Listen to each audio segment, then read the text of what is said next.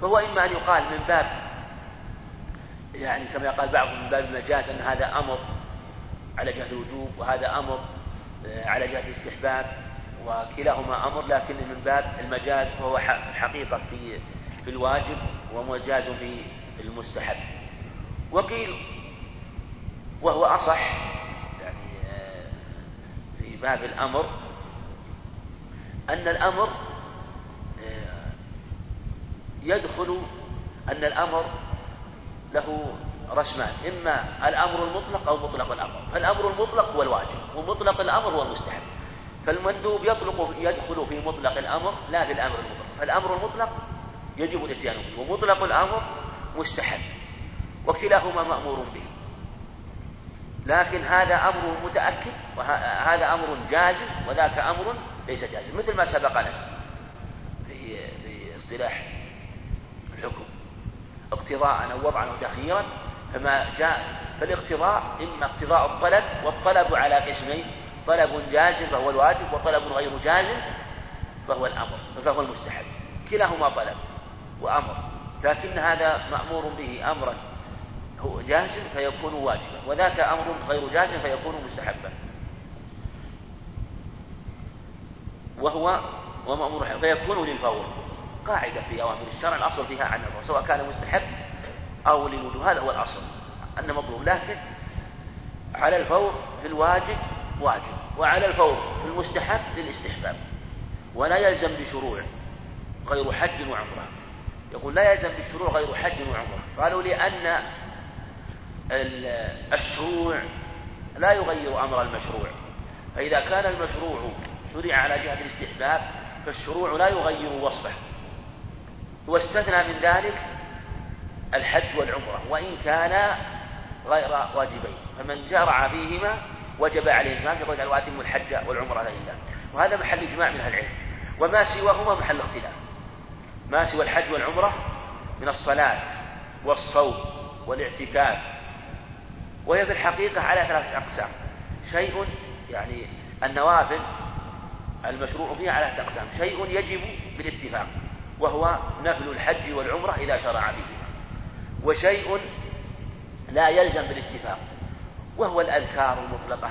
لو أنه شرع في ذكر ونوى أن يذكر الله مئة مرة أو أو أراد أن يتصدق مثلا بألف ريال فتصدق بمئة وحبس الباقي فهذا لا يلزم بالاتفاق في باب وأما العبادات المتصلة هذا في الأشياء المفصلة التي تتمايز وتنفصل بعضها عن بعض مثل الأذكار ومثل إخراج الصدقة بالمال ومثل صلى نافلة ركعتين وكان يصلي أربعا فإذا صلى ركعتين لا يلزم أن يصلي ركعتين أخريين.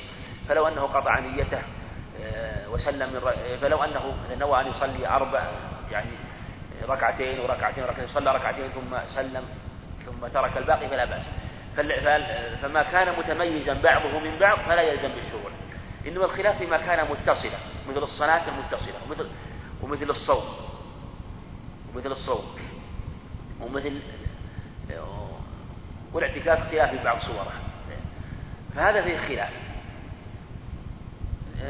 ذهب بعض العلم إلى أنه يلزم بالشروع فيه. وهو مذهب أبي حنيفة ومالك أنه يلزم الصوم والصلاة بالشروع فيهما ولا يأخذ من العذر. والمشهور مذهب أحمد والشافعي رحمه الله أنه لا يلزم بالشروع في الصلاة ولا في الصوم والأظهر والله أعلم أنه يلزم في الصلاة ولا يلزم في الصوم. هذا هو الأقرب والله أعلم. يعني دل الدليل على أن الصوم لا يلزم. وما جاء من قوله عليه الصلاة والسلام لما قال آه، فرض علي كذا حديث طلحة بن عبيد الله بذلك الرجل الذي قال لما قال زعم كنا علي كذا وكذا فقال إلا أن تتطوع لما ذكر الصوم قال إلا أن تتطوع وفي الصلاة قال إلا أن تتطوع فاستدل به بعضهم قالوا إنه يجب الرسول قال إلا أن تتطوع قال فلا علي غيره قال لا إلا أن فاستدل به الأحناف ومالك على أنه من تطوع بصلاة أو بصوم لزمه ذلك. لكن هذا دليل فيه لأن هذا على التحقيق استثناء منقطع. لكن يعني معنى يعني لكن إن تطوعت آه، فهو خير لك ولكن ليس معنى ذلك أنه يجب عليه وليس استثناء متصلا ويدل عليه أن في باب الزكاة قال إلا أن تتطوع مع أنه لا يلزمه إذا أخرج المال ونوى الصدقة به لا يلزم الاتفاق أن يخرجه.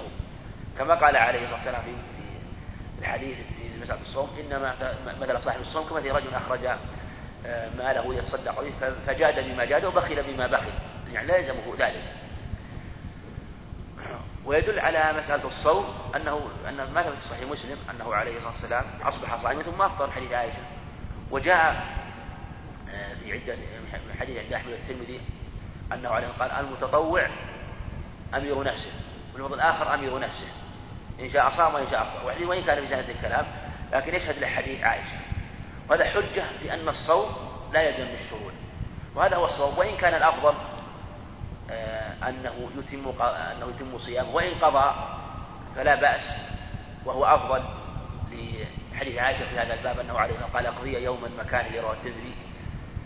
وهذا الحديث وإن كان في سند الكلام لكنه آه، يدل على أن المشروع وخروجا من خلاف من قال ذلك آه، أن المشروع أن يقضي لكن لا يلزمه ذلك. فالأظهر والله أعلم أنه لا يلزم الصوم للدليل على ذلك. أما الصلاة فالأقرب والله أعلم يلزم بالدخول إليها. لأنه لأنه يقول تحريمها التكبير وتحريمها التسليم. وهذا حصر. وليبين أن تحليلها التسليم. فمن تحلل منها قبل قبل الفراغ منها وطلع وخرج منها قبل قبل الفراغ منها فلم يتحلل تحلل المشروع في التسليم منها الذي يكون في آخرها. التسليم يكون في آخرها. أما في وسطها فإنه يكون خروجا منها وقطعا لها. فالأقرب في مسألة الصلاة أنه يلزم بالشروع هذا الأقرب الله مسألة الصوم أنه لا يلزم. وفي غيرها سبق لنا أنها فيما كان متميزا للأذكار مثل آه، الصدقة لا يلزم ذلك. وفي الحج والعمرة يلزم ذلك. لا تقطع هذا. دلت لي على قطع الحديث وارد في هذا الباب. بل يلزمه ذلك. ولمساواة نفلهما لفرضهما نية. هل تعليل تعليل لوجوب الحج لماذا؟ لمساواة النفل للفرض لأن في النية وفي الكفارة وغيرهما.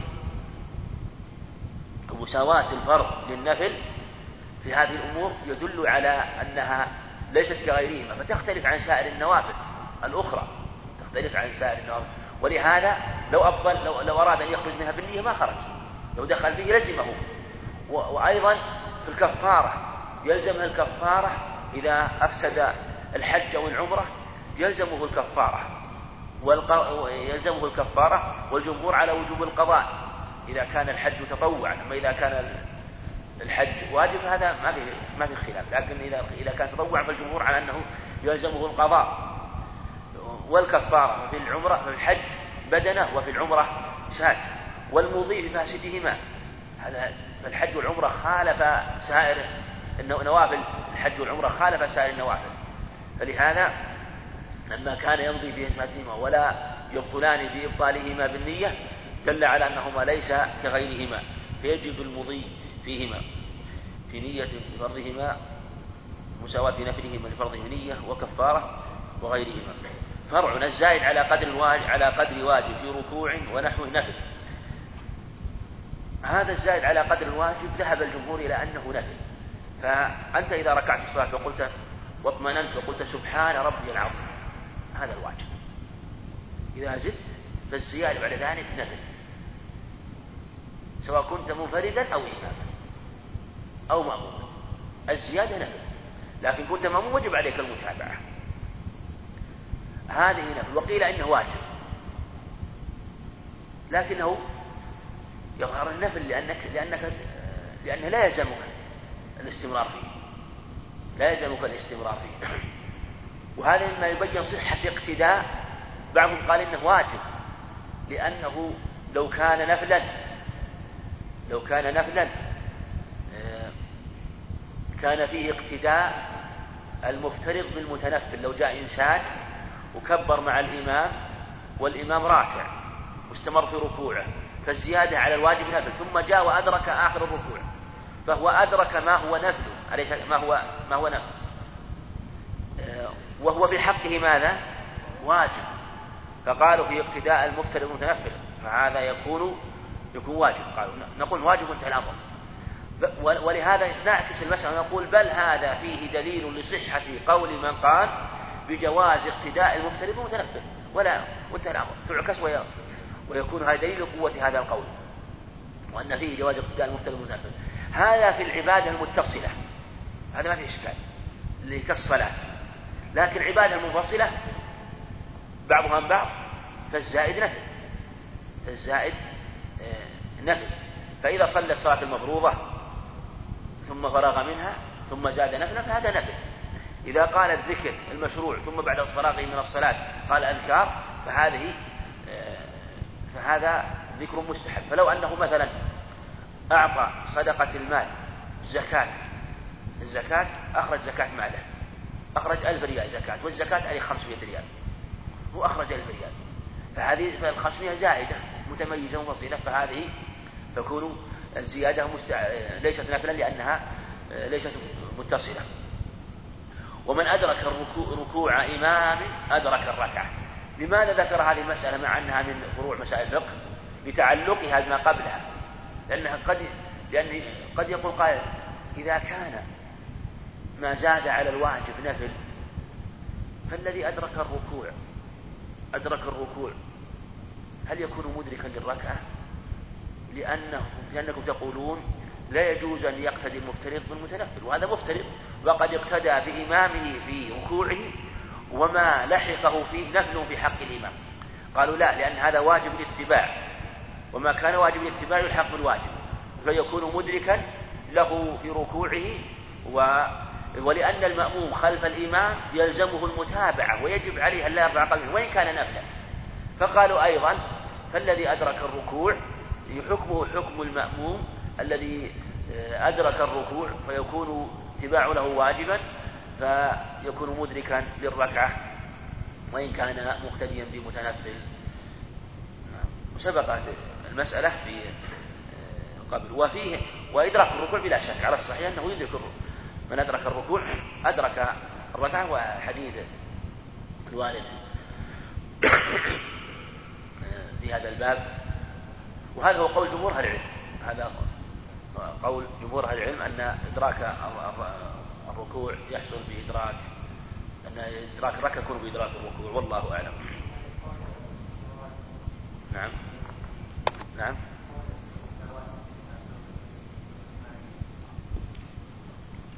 لأنه إذا دخل في النية وجب عليه.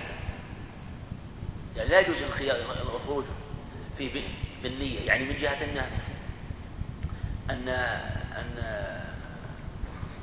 يعني اشتراط النية فيه أو أن المراد من جهة أن هو لو أراد الخروج بالنية لم يكن له ذلك. يمكن هذا يكون مرادا نعم على قول الوجوب إذا كان إذا كان ما هناك حاجة فالأظهر يلزم إذا كان ما هناك حاجة. إذا كان هناك حاجة فلا بأس. لكن إذا كان يكون هناك حاجة. نعم.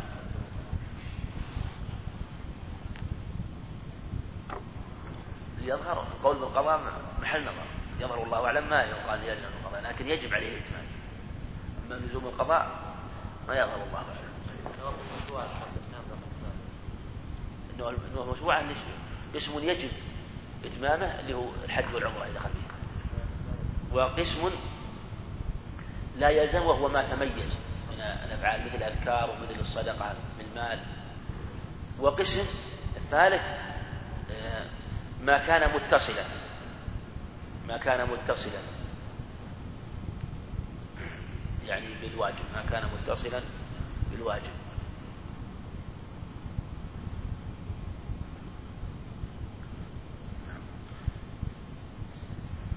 وممكن تجعل القسم هذا أيضا لأن هذا يحصل على وممكن تجعلها أيضا تقول مثلا تجعل تجعلها أيضا مثلني بالصوم والصلاة مثلني بالصوم والصلاة وأنه في الصوم لا يلزم وفي الصلاة يلزم.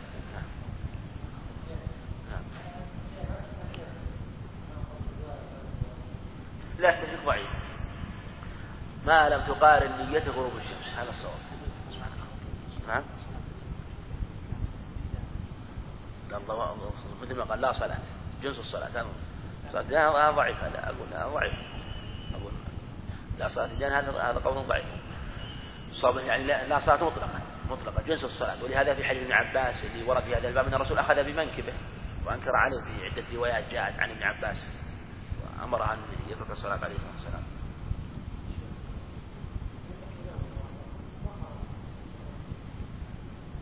تسقط عنه. من دلت السنة على سقوطها. أو دلت السنة على سقوطها عنه في هذه الحال. اي نعم. لا تعود إلى العدو والركب لأن كان أتى وقد حبسها النفس. لا الصواب أنها لا يعني لا تعود إلى مثل هذا الفعل. كلها. مهما حتى قيل و... أو قيل ولا تعيد كلها معنى ما حتى لو قيل لكن ولا تعود لا تعود إلى مثل هذا الفعل. أو لا تعدو أو لا تعد ثلاث ألفاظ سواء قيل لا تعد أو لا تعد أو لا تعدو فالحجة قائمة والحمد لله. نعم. لا احتمال إذا كان الاحتمال يعود على الاستدلال بالإبطال. أما إذا كان مجرد احتمال ما يعود على الإبطال فوجوده ما يأثر يعني إنما اختلاف الضبط ولا يأثر. ولهذا الرسول ما أمر بالإعادة. يكفي أن الرسول ما أمر بالإعادة. وانتهى نعم. لا ما ما في. الرسول يقول زادك الله حرصا ولا تعود ولا تعود إلى ولهذا أنه جاء وأدرك النبي وهو راكع وأسرع فنهاها عن الإسراع. لا شك أن هذا منهي عنه. أن هذا منهي عنه. ولو كان إعادة الركعة واجبة لبين عليه الصلاة والسلام بيانا واضحا. قال المصنف رحمه الله تعالى فصل المكروه ضد المندوب. المكروه ضد المندوب لأن المكروه هو ما طلب طلبا غير جازم تركه. يعني هو ما نهي عنه غير جازم. كما أن المندوب هو ما أمر به أمرا غير جازم فهو ضد له. وهو ما مدح تاركه ولم يذم فاعله. فهذا هو المكروه. ما مدح تاركه فإنه ولم يذم فاعل. لا يذم فاعله ولا يكون آثما إنما يذم فاعل المحرم. هذا يخرج المحرم لأنه يذم فاعله. ويخرج بالتارك الواجب والمستحب. يخرج التارك لأن لا لأنه تارك الواجب يجب الاتيان به والمستحب يستحب الاتيان به. ولا ثواب في فعله في المكروه. المكروه منهي عنه لا ثواب فيه. إلا إذا كان المكروه ليس آه، يعني جاء ليس قصدا عرضا من جهة أن الفعل مطلوب لكن عرض فيه بعض المكروه. عرض فيه بعض المكروه فهذا لم يكن الفعل مكروه إنما عرض فيه في بعض أموره وبعض أجزائه وبعض أفعاله فهذا لا شيء. يثاب على ما فعل من الخير. لكن إذا كان المكروه قصدا هذا الفعل مكروه. من سائر المكروهات هذه لا يثاب عليها لأنه منهي عنه. وهو تكليف لأنه مأمور نعم. يعني مثل لو أنه يعني فعل مثلا بعض المكروهات في الصلاة يثاب على الصلاة وإن كانت الصلاة بهذا الوصف على خلاف السنة وأتى أشياء مكروهة لأن المكروه فيها من باب العرض ليس مقصودا. إن وهو مطلوبة إنما هذا جاء عرضا. وهو تكليف لأنه مأمور ب مأمور وهو مكلف باجتنابه على لا على سبيل الجزم. لأنه كل بها كما أن المندوب تكليف على الصحيح. فالمكروه والمنهي كلاهما تكليف. ومنهي عنه حقيقة كما أن الأمر كما أن المندوب مأمور به. لكنه مثل ما سبقنا في في المندوب أنه يدخل في مطلق الأمر لا في مطلق لا في الأمر مطلق. كذلك هذا أيضا في مطلق النهي لا في النهي المطلق النهي المطلق هذا يكون محرم من جميع ومحرم من جميع الوجوه. وهذا مطلق النهي يعني يدخل فيه المكروه. ومطلق الأمر لا يتناوله. يعني إذا قيل إذا أمر الله بشيء أو أمر رسوله عليه السلام بشيء لا يدخل فيه المكروه. لا يدخل فيه المكروه. وهذا في الحقيقة موضع إشكال واستشكل بعض أهل العلم. كيف يقال مثلا مطلق الأمر لا يتناول لا يتناول يعني لا يتناول المكروه؟ إذا قيل هذا معنى هذا أنه ما يصح هذا الفعل. فيلزم عليه مثلا أن من فعل صلاة وأتى بعض المكروهات صلاته باطلة. من الإنسان صلى صلى يتلفت ببصره مثلا. أو صلى صلى يتحرك يحرك يديه ويحرك أو يعبث بلحيته مثلا. هذه أفعال مكروهة. إذا ما دام هذا الأمر ما لا يدخل بهذا فهو منهي عنه ولا يصح. فإذا كان لا يصح في في باب الصلاة فأتى بأمر لا يصح فيكون باطلا فيكون فتكون الصلاة باطلة. كذلك مثلا لو يعني صلى مثلا آه، في مكان آه، يعني في ما يشغله من صور أو نقوش في الصلاة والصلاة في موضوع مكروهة من جهة أن يستقبل أشياء تشغله أو صلى إلى إنسان يتحدث يشغله عن الصلاة. نصوا على أن كراهة أن يستقبل أو أو كما أظن قال بعض الناس أن يستقبل وجه إنسان أو صورة. فيلزم عليه أن هذا لا يصح. ولهذا قال بعضهم أنهم يريدون بذلك المحرم لا المكروه كراهة التحريم لا كراهة التنزيه. لأن المعتمد أنه إذا فعل مكروها في الصلاة فالصلاة صحيحة. الصلاة صحيحة والصلاة صحيحة لكن آه، هذا الفعل منهي عنه ويثاب عليه لكن لا يأثم به ولا تبطل به الصلاة. إنما يكون في الأمر المحرم. يعني لو جاء في عبادته مثلا ب يعني أنه لا أنه لا يدخل في أنه لا أنه لا لا يدخل في مطلق الأمر المحرم أو المكروه كراهة التحريم. استدلوا بهذا. ولهذا مثلا مثلا بعضهم ذكر مثلا في قوله تعالى وليطوفوا وليطوفوا بالبيت العتيق. استدل به الأحناف على جواز طواف المحدث. قالوا إن هذا الأمر مطلق. والأمر المطلق يتناول جميع يعني يتناول المكروه وغيره. فمن طاف وهو محدث فطواف الصحيح قالوا أيضا قال تعالى يا أيها الذين إذا قمتم الصلاة فاغسلوا وجوهكم وأيديكم وامسحوا برؤوسكم وأرجلكم إلى الكعب نعم وامسحوا برؤوسكم وأرجلكم الكعبين نفس الآية نفس الآية يا أيها الذين قمتم الصلاة إلى آخره. نفس الآية قالوا إن هذا أمر بالوضوء. يدخل فيه الوضوء منكسا. ويدخل فيه الوضوء بلا موالاة وبلا ترتيب. يعني أمر بالوضوء والأمر والأمر والأمر يتناول المكروه كراهة التحريم. إذا على قوله. ولهذا نقول ومطلق الأمر لا يتناول على هذا. نقول مطلق الأمر إذا قلنا لا يتناوله فإنه لا يتناول المحرم أو المكروه كراهة التحريم. ولهذا نفس الشارح رحمه الله لما ذكر هذا ذكر أمثلة على أمور منهي عنها باب التحريم لم يذكر أمرا آه، يكون فيه مكروها. إنما ذكر في الحقيقة أشياء هي كراهة التحريم. ما ذكر أشياء هي من باب كراهة التنزيه.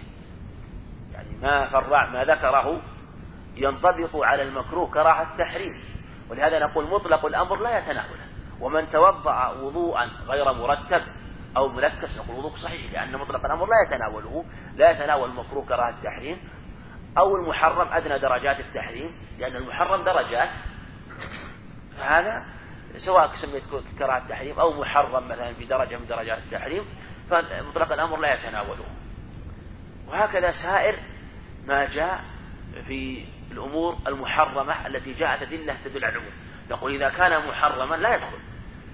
فلكن هذا الأمر المحرم ربما كان مفسدا للعبادة وربما لم يكن مفسدا لدليل آخر مثل الصلاة مثلا في البقعة المغصوبة وفي الثوب المغصوب.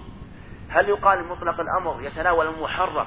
فمن صلى في بقعة مغصوبة فقد أدى الصلاة وإن صلى في مكان مغصوب لأن مطلق الأمر يدل على أنه مؤمن الصلاة وإن وإن صلى في بقعة محرمة أو في ثوب مغصوب أو في ثوب حرير ولهذا جاء آه، يعني الخلاف الطويل الذي اجتهد فيه كل من ينصر قوله في آه، انتزاع الأدلة التي تؤيد هذا القول آه، الذي ينتصر له من صحة الصلاة أو عدم صحتها.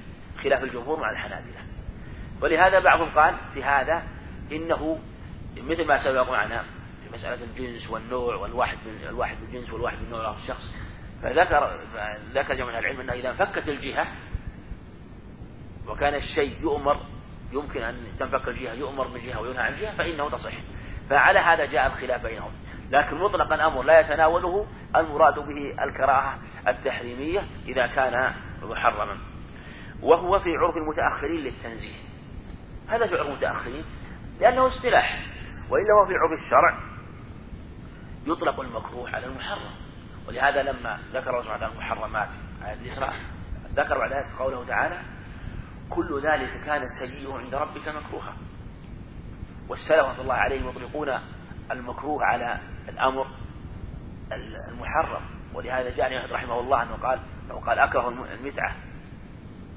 ولا شك أن مذهبه المعروف والأدلة في هذا الباب وقوله المقطوع بأنها أنه يحرم ذلك وجاءت عبارات كثيرة لكن كانوا يهابون من إطلاق التحريم. فالسلف رحمة الله عليهم يطلقون الكراهة على التحريم وأما في اصطلاح الأصوليين فإن هذا آه، يطلق على مرتبة أقل من التحريم لأن الأحكام عندهم خمسة فرتبة المحرم والمكروه رتبتان والواجب والمستحب رتبتان والمباح. ويطلق على الحرام. يطلق على الحرام وهو الأكثر في كلام السلف الله عليه. وترك الأولى. إذا إذا يمكن يقال ممكن يقال ينظر هل هل ذكر أحد ولا لا. أن يقال عندنا آه، المكروه المطلق المكروه المطلق هذا على المحرم. المكروه المطلق يكون محرم. ومطلق المكروه يدخل فيه المكروه كراهة لا تصل التحريم ويطلق فيه ترك الأولى. ولا يقال إن ترك الأولى تقسيم آخر.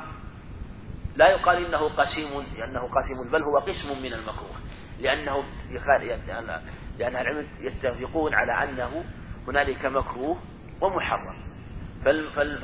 فالترك الأولى من رتب المكروه لكن المكروه مراتب. فبعضها في أعلى رتب المكروه وبعضها في وسطها. وبعضها في أدناها. كما أن المحرم رتب كما أن الواجب رتب. فهنالك أشياء يقطع بأنها واجبة ووجوبها ليس كوجوب فوجوب الصلاة يعني وجوب الصلاة في ليس آه، كوجوب غيرها. وجوب الصلاة والزكاة والصوم والحج والصيام هذه الأركان الخمسة وجوب وليس كوجوب غيرها من الواجبات كما كما أن المحرمات تحريم الزنا والخمر والشرك والسحر وما هذه محرمات. فالمحرم رتب. فليس مثلا تحريم مثلا من اغتصب الأموال مثل تحريم مثلا من طفف مثلا في آه، حبة من الطعام أو غير ذلك. وهكذا في في سائر المحرمات فهو رتب.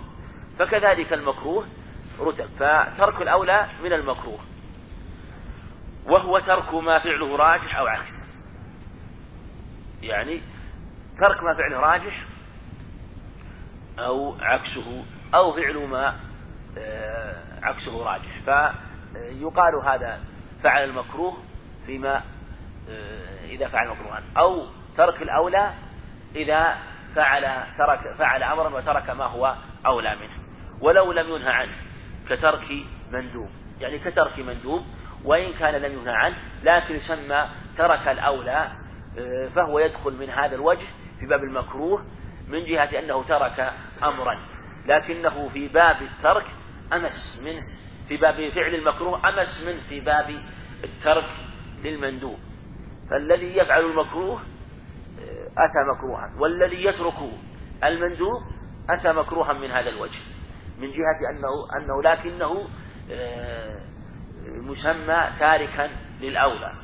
ويقال لفاعله مخالف ومسيء مخالف ومسيء وغير ممتثل. لأن هذه العبارات تطلق على غير التحريم فلا بأس أن يطلق بها على من فعل المكروه بعضهم قال على أن المسيء لا تطلق إلا على من فعل المحرم وأكثرهم على أنه يطلق آه، على من فعل مكروها وهذه اصطلاحات كما يقولون ولا مشاحة في الاصطلاحات التي تكون بينهم. نعم والله أعلم.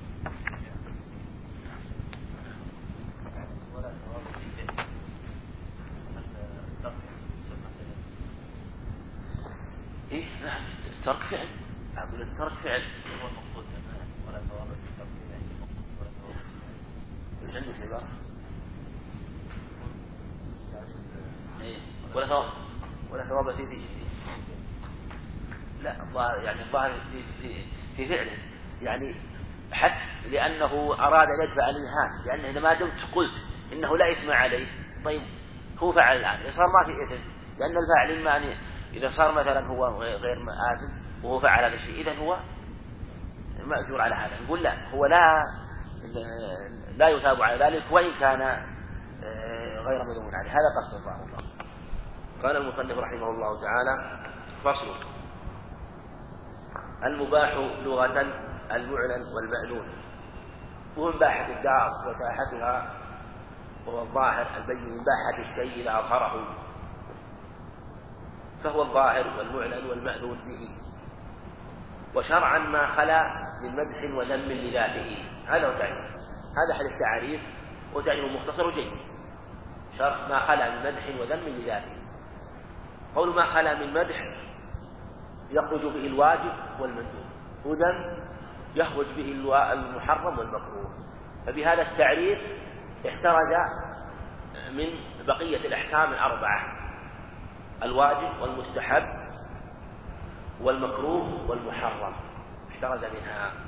قوله لذاته يعني أنه إذا كان مباح إذا كان لذاته. يعني لذات المباح.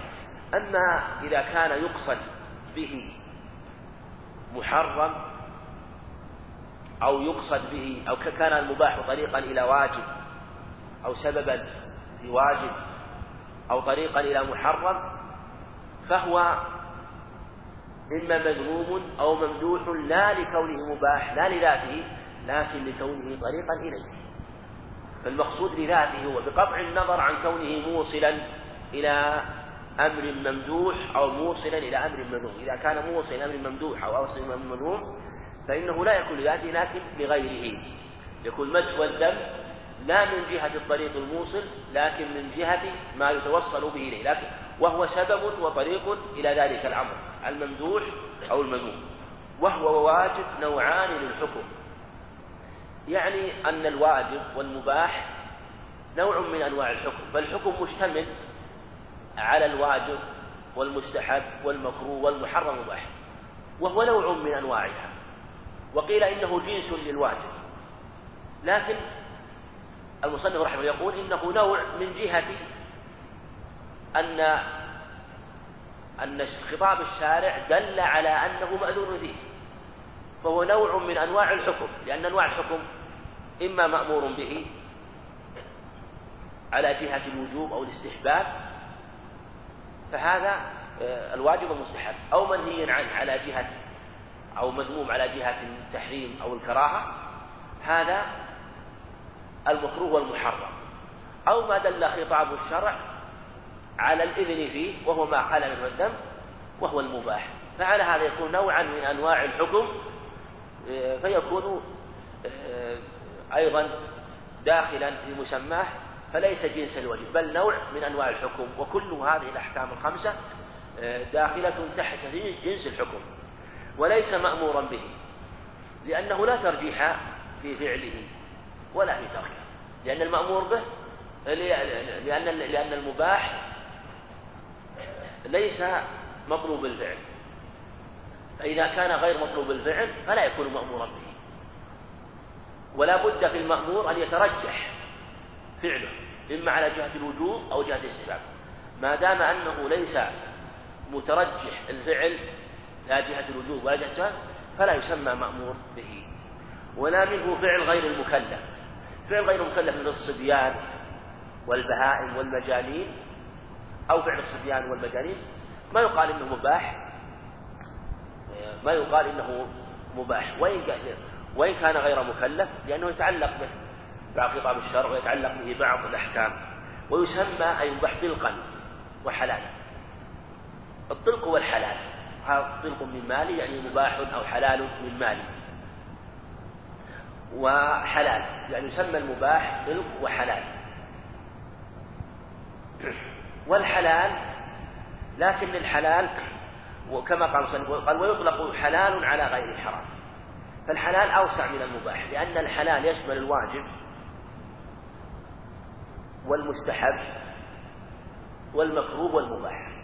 كله قال حلال من جهة أنه يقدم على فعل الواجب والمستحب والمكروه لا.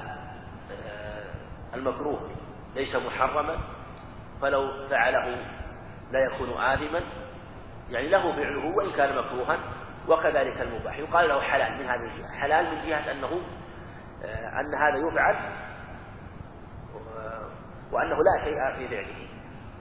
لكن المباح يطلق على الواجب وعلى المستحب وعلى المكروه. المباح يطلق عليه ثلاثة. والحلال يطلق عليه ثلاثة مع المباح كلها تسمى حلال. والإباحة إن أريد بها خطاب الشرع فشرعية.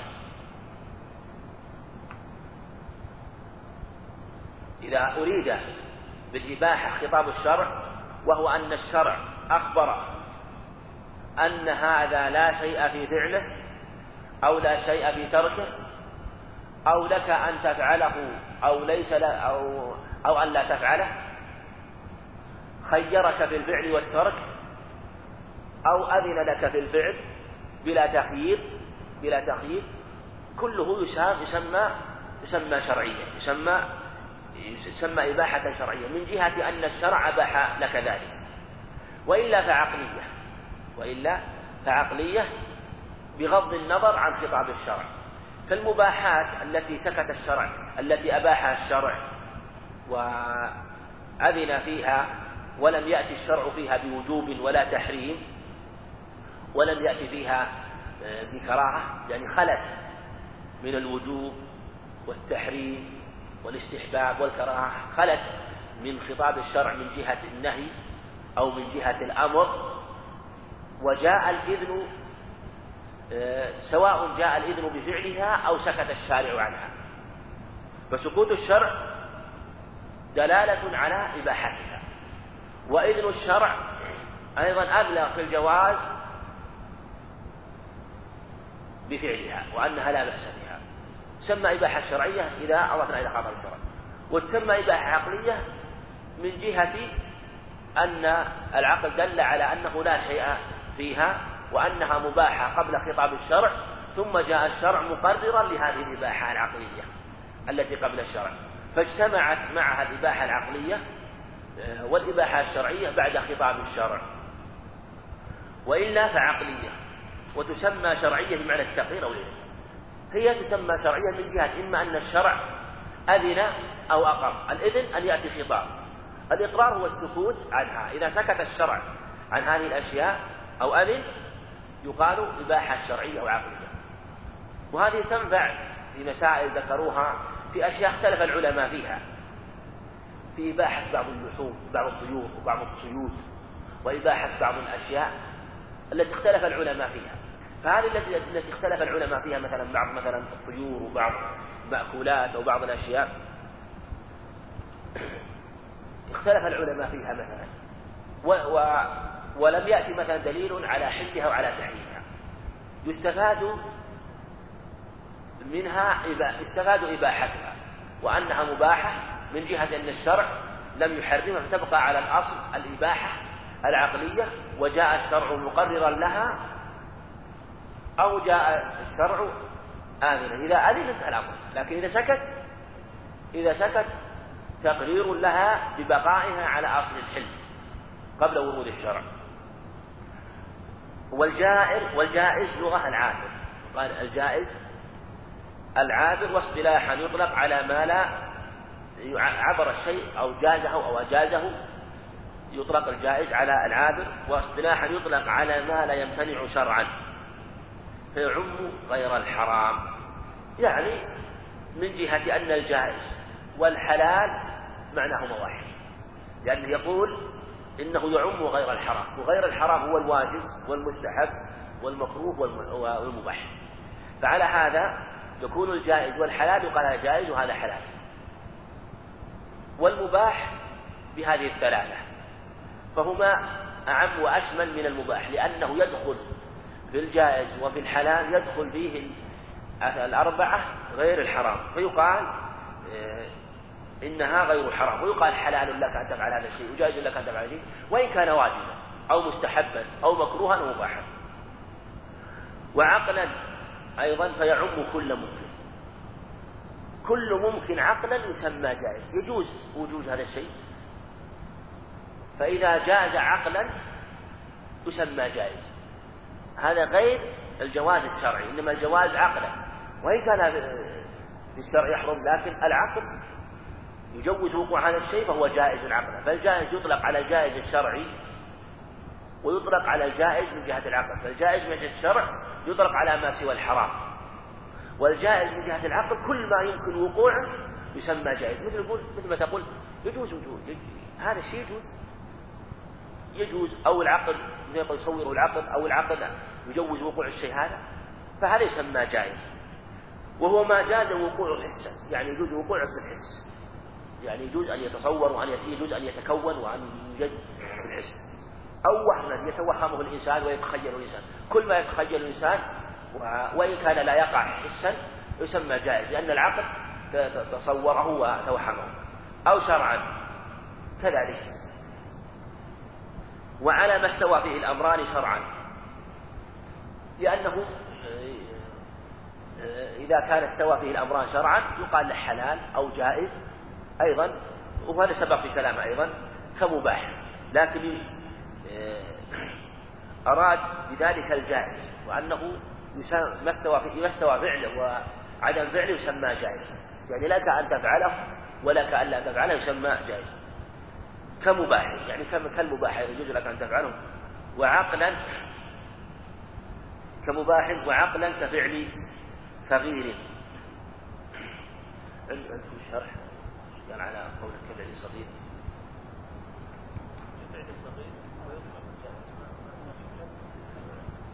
قبل قبل كلامه. يمكن يراد أيضا كفعل الصغير أنه أن الصغير يجوز أن يفعل هذا ويجوز أن لا يفعله من جهة أنه يقدم على هذه الأشياء وأنه يحتمل أن يفعل هذه الأشياء وأنه لا يبصر ولا ينظر وأنه يجوز أن يقع هذا من الصغير. لكن من جهة أيضا أنه يسمى مباح.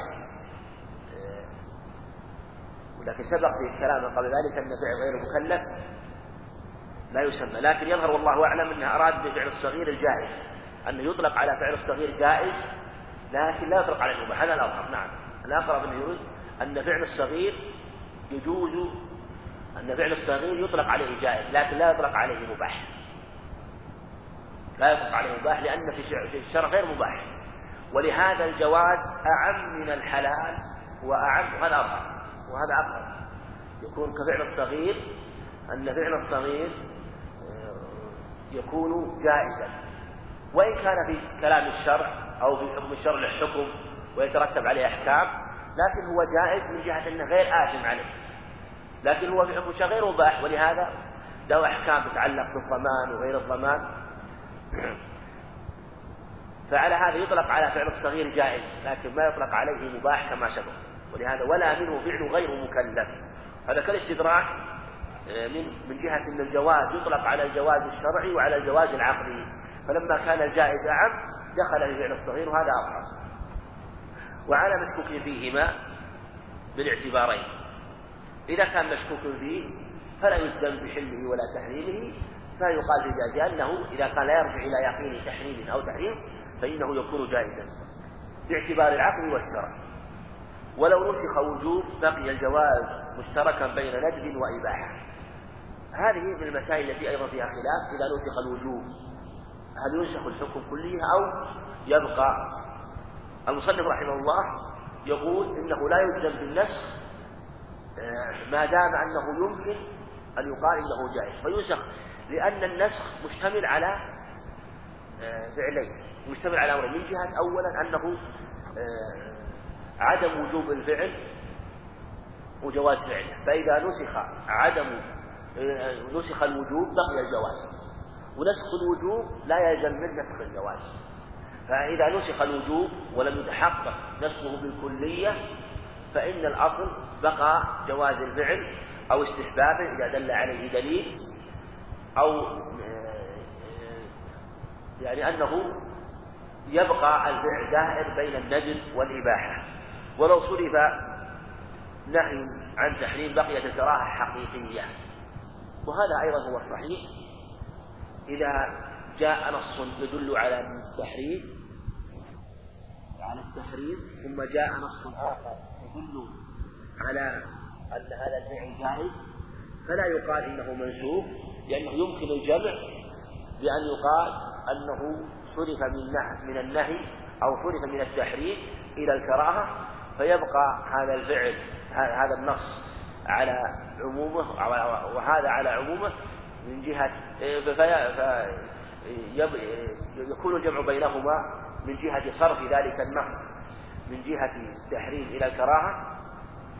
وهذا النص لا يدل على آه، نسخ التحريم. هذا هو آه، يعني ما اختاره المصنف رحمه الله هو الأظهر. لكن الكلام في الإباحة العقلية من جهة أنه أن الأصل عدم التكليف بالشرع هذا الأصل عدم التكليف بالشرع إلا بعد الشرع. فالعقل ما يوجب شيء قبل الشرع. ونبقى على هذا الشيء وأن الأصل هو عدم التكليف وأصل عدم التحريم وعدم الوجوب هذه الأشياء إلا بالشرع فإذا جاء الشرع في تحريم أشياء كانت محرمة ووجوب أشياء كانت واجبة وسكت عن أشياء تكون مباحة بسكوت الشرع أو بتقليده